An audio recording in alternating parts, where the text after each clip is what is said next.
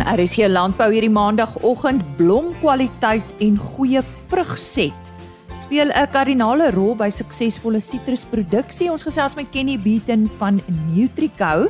Stabiele watervoorsiening is een van die voordele van spulpunt besproeiing en Tanya Brits van Lindsay Africa brei hieroor uit. Ons praat ook oor 'n uitvoerbaarheidstudie van 'n nuwe waardeketting vir laaggraad aartappels in die landbouverwerkingsbedryf. Dr Carmen Miller van Universiteit van Pretoria kuier in die ateljee. Dis Lise Roberts wat groet so lekker vroeg op hierdie maandagooggend en baie welkom by vandag se program. In hierdie week se veilingnuus op 13 September Malemba boerdery se 29ste produksieveiling daar by Mooirus in die Louna omgewing. Ek vertel jou so 'n bietjie later wat hulle vir hierdie dag beplan. Op 14 September die Beef Power Braford produksieveiling by Sundown Lodge in Alival Noord. Op 14 September die AG Gene Bonsmara veiling van Arthur de Villiers, dis op die plaas Arcadia in die Vrede omgewing. Ek het reeds donderdagoggend met hom hieroor gesels.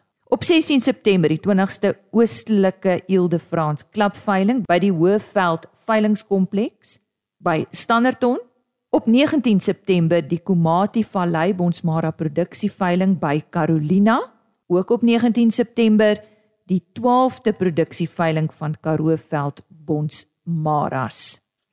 Dit is dan veilings tot en met 19 September.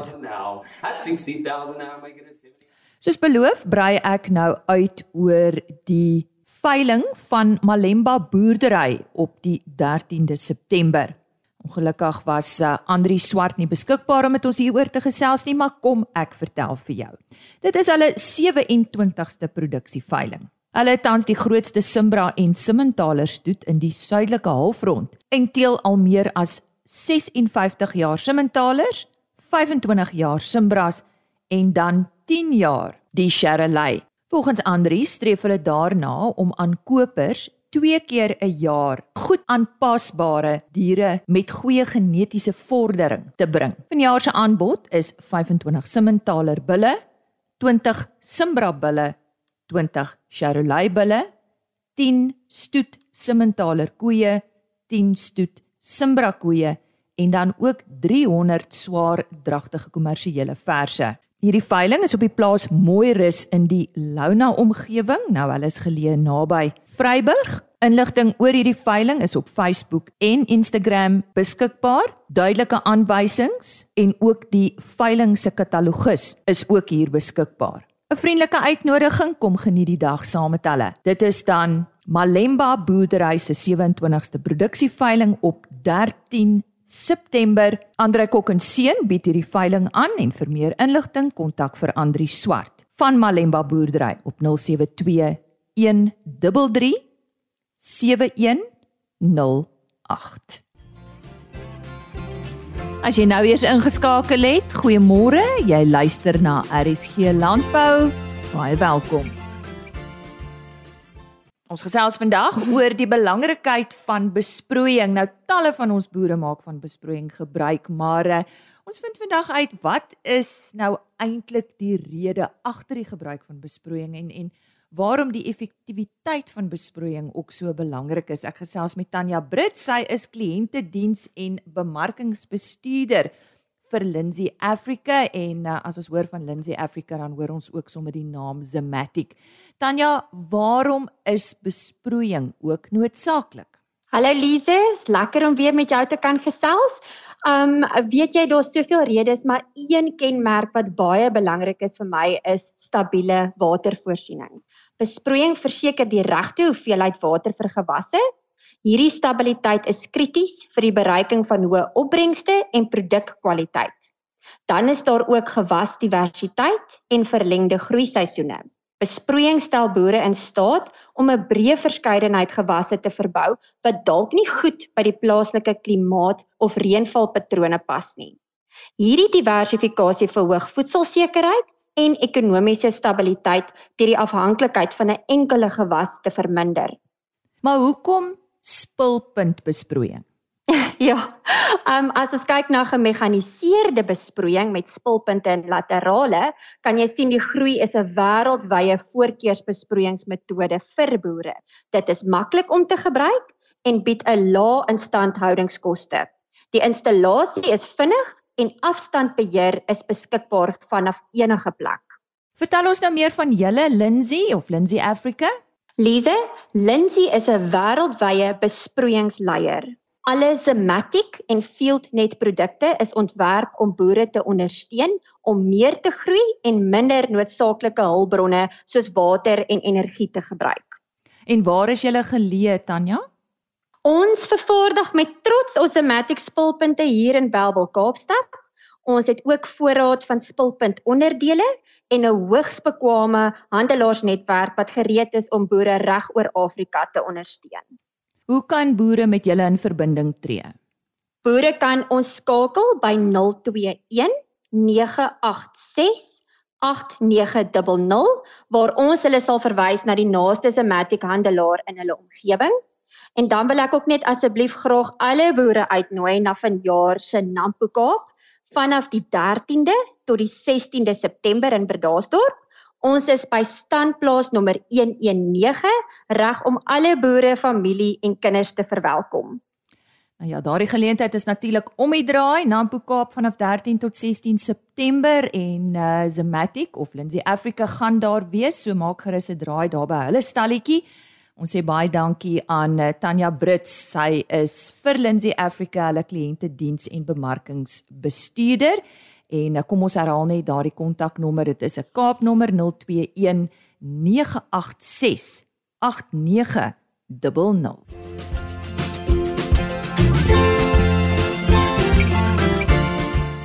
As verbruiker dink ek soms twee keer om 'n aartappel te koop wat nie so lekker lyk nie. Dalk 'n uh, 'n kolletjie of 'n uh, bietjie aan die groen kant of 'n uh, 'n skeertjie en uh, dit laat mense twee keer dink of jy regtig wil geld daarop spandeer. Maar wat gebeur met hierdie aartappel wat nie so aanvaarbaar is vir die verbruiker nie? En dis waaroor ons vandag gesels navorsing oor afval aartappels as ek dit so kan stel ons verwelkom vir Dr Carmen Miller van die Universiteit van Pretoria. Carmen, is die vermorsing van aartappels in Suid-Afrika 'n groot probleem? Dink jy vermorsing van kos in Suid-Afrika oor die algemeen is 'n groot probleem en ons moet ons begin op individuele produkte fokus van hoe kan ons kosvermorsing verminder? En ons produseer omtrent 2.6 miljoen ton se aartappels in Suid-Afrika in 'n jaar en tussen 15 tot 20% van daai aartappels word vermors en dit is ongelooflik baie geld wat ook verlore gaan. Nou, wat kan alles met aartappels gedoen word wat nie meer so aanvaarbaar vir kleinhandelaars is nie, want ek dink hulle wil ook nie sulke aartappels aankoop nie want hulle weet dit gaan nie verkoop word nie, is ek reg? Ja.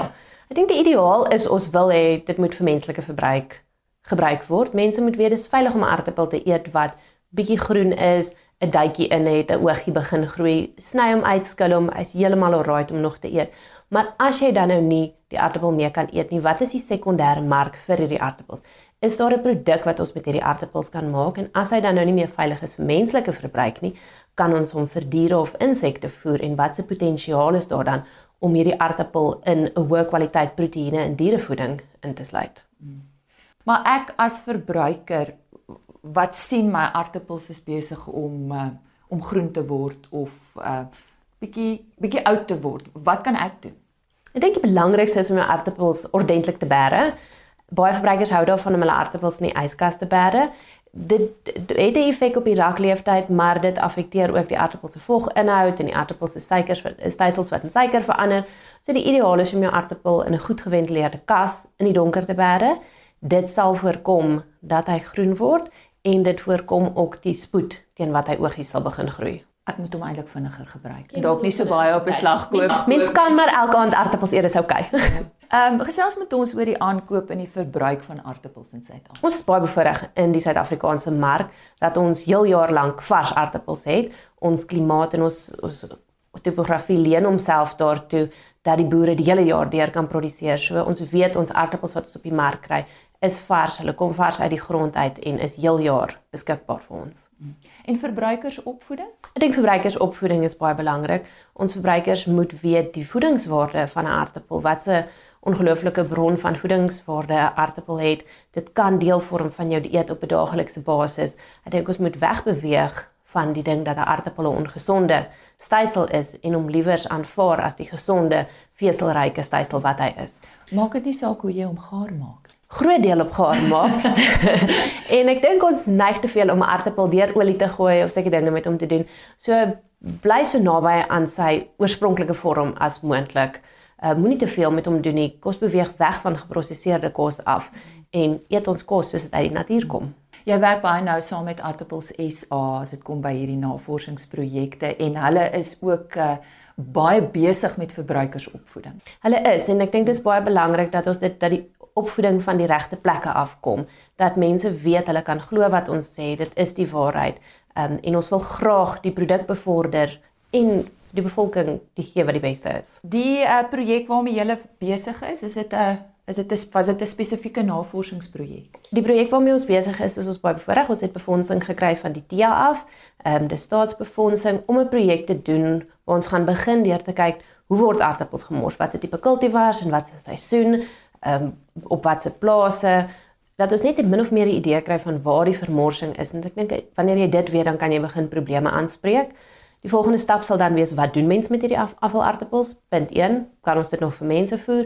En dan dis wat jy nie meer vir mense kan voer nie, kan ons dit vir insekte voer en die insekte omsit in 'n hoë kwaliteit proteïen dierevoeding. En hoe lank is julle al besig hiermee? Hierdie jaar begin. So ons is in die ons is in die beginfases, maar sover kry ons baie belangstelling. Daar is baie vermorsing van aardappels. So industrie is baie betrokke hierby want ons mors geld. So as ons kan vermy dat ons om geld te mors, is ons op 'n goeie spoor. Ja, sterkte daarmee en ek sien uit om weer met jou hieroor te gesels Carmen. Baie dankie. Dankie. Ja. Dr Carmen Miller van Universiteit van Pretoria wat vandag gesels het oor die vermorsing van aardappels in Suid-Afrika.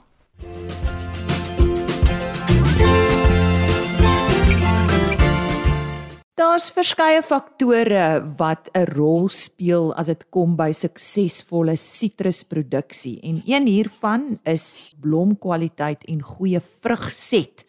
Dis waaroor ons vandag gesels met uh, Kenny Beaton. Nou hy is 'n Nutrico se bemarkingsverteenwoordiger.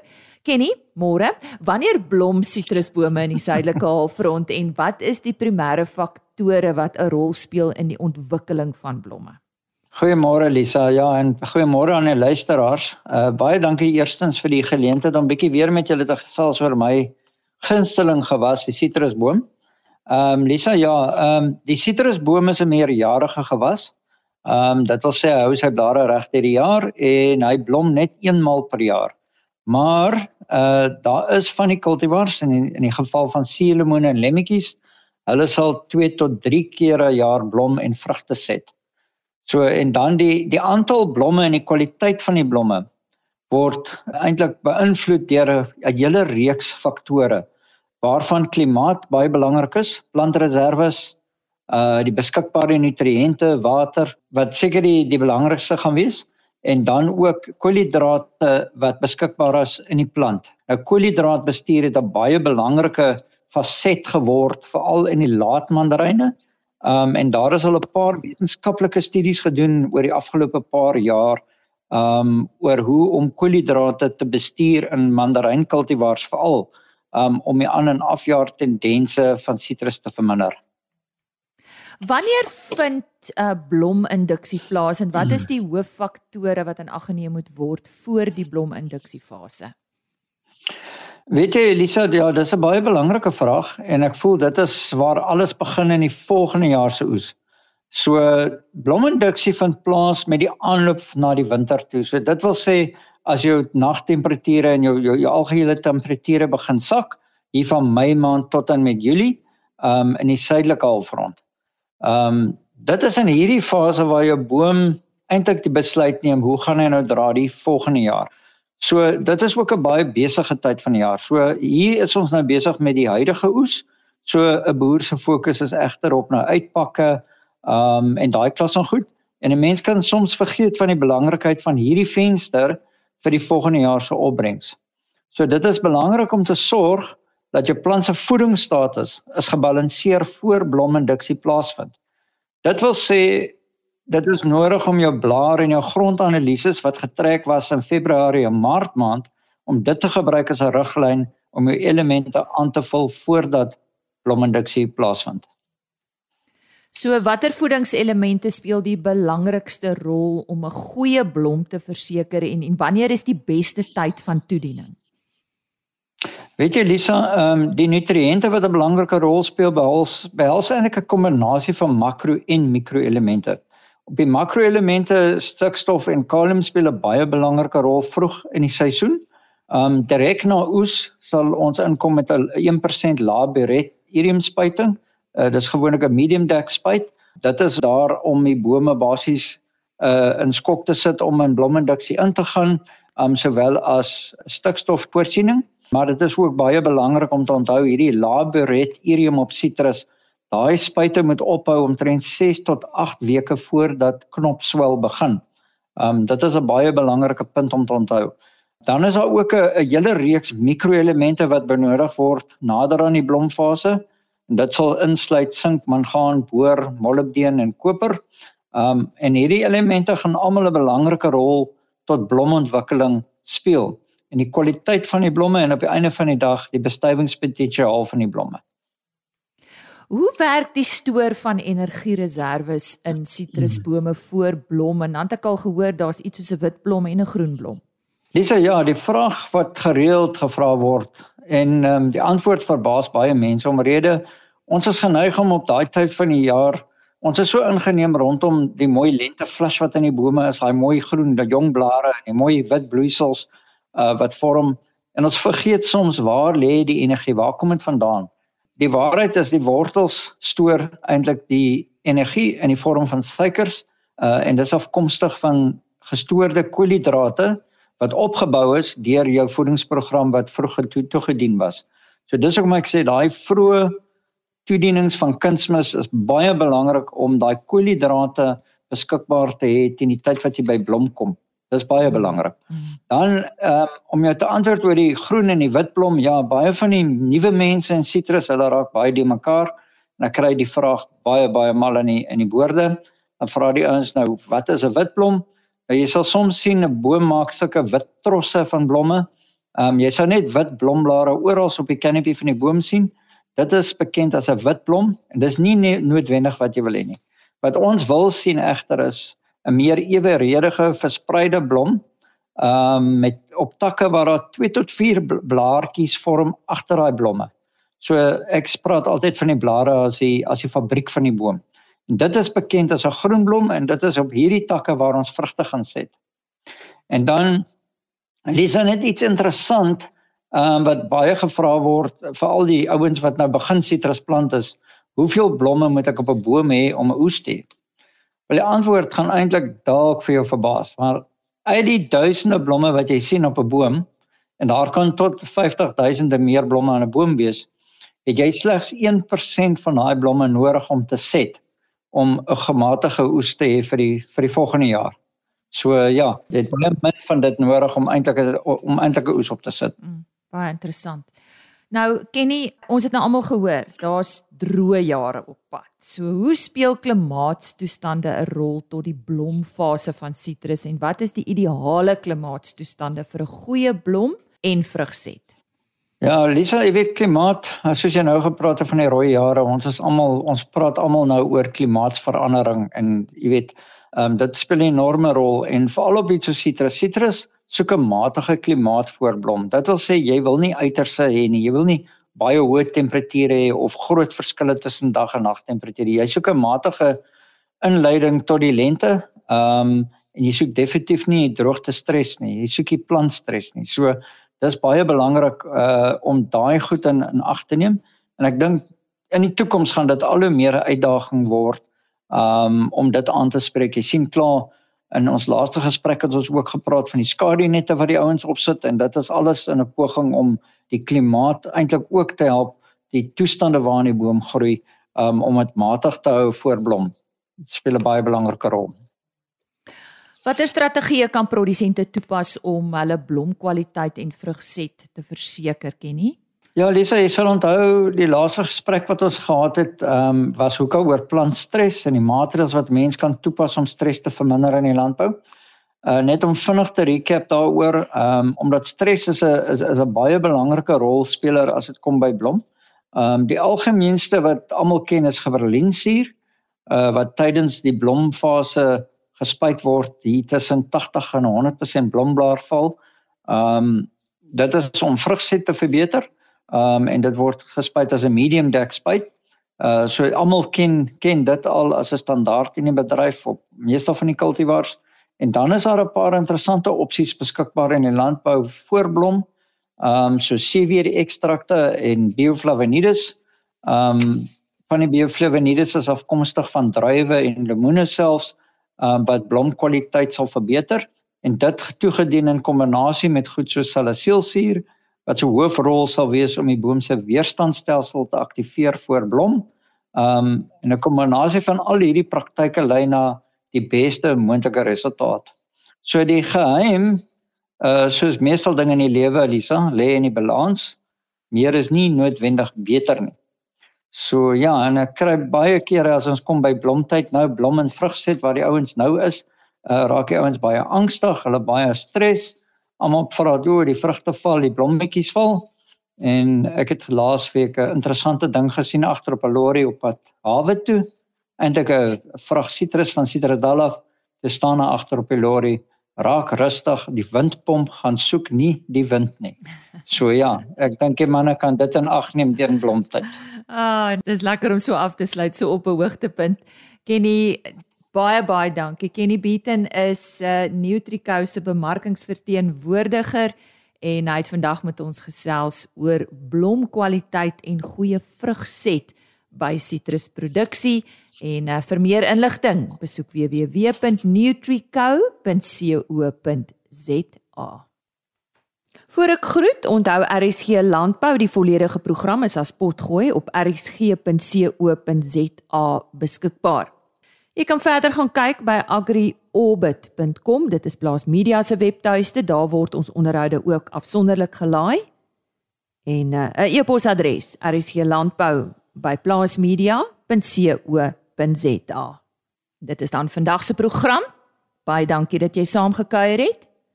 Maak gerus môreoggend weer so. Totsiens. RSG Landbou is 'n plaas media produksie met regisseur en aanbieder Lize Roberts en tegniese ondersteuning deur Jolande Rooi.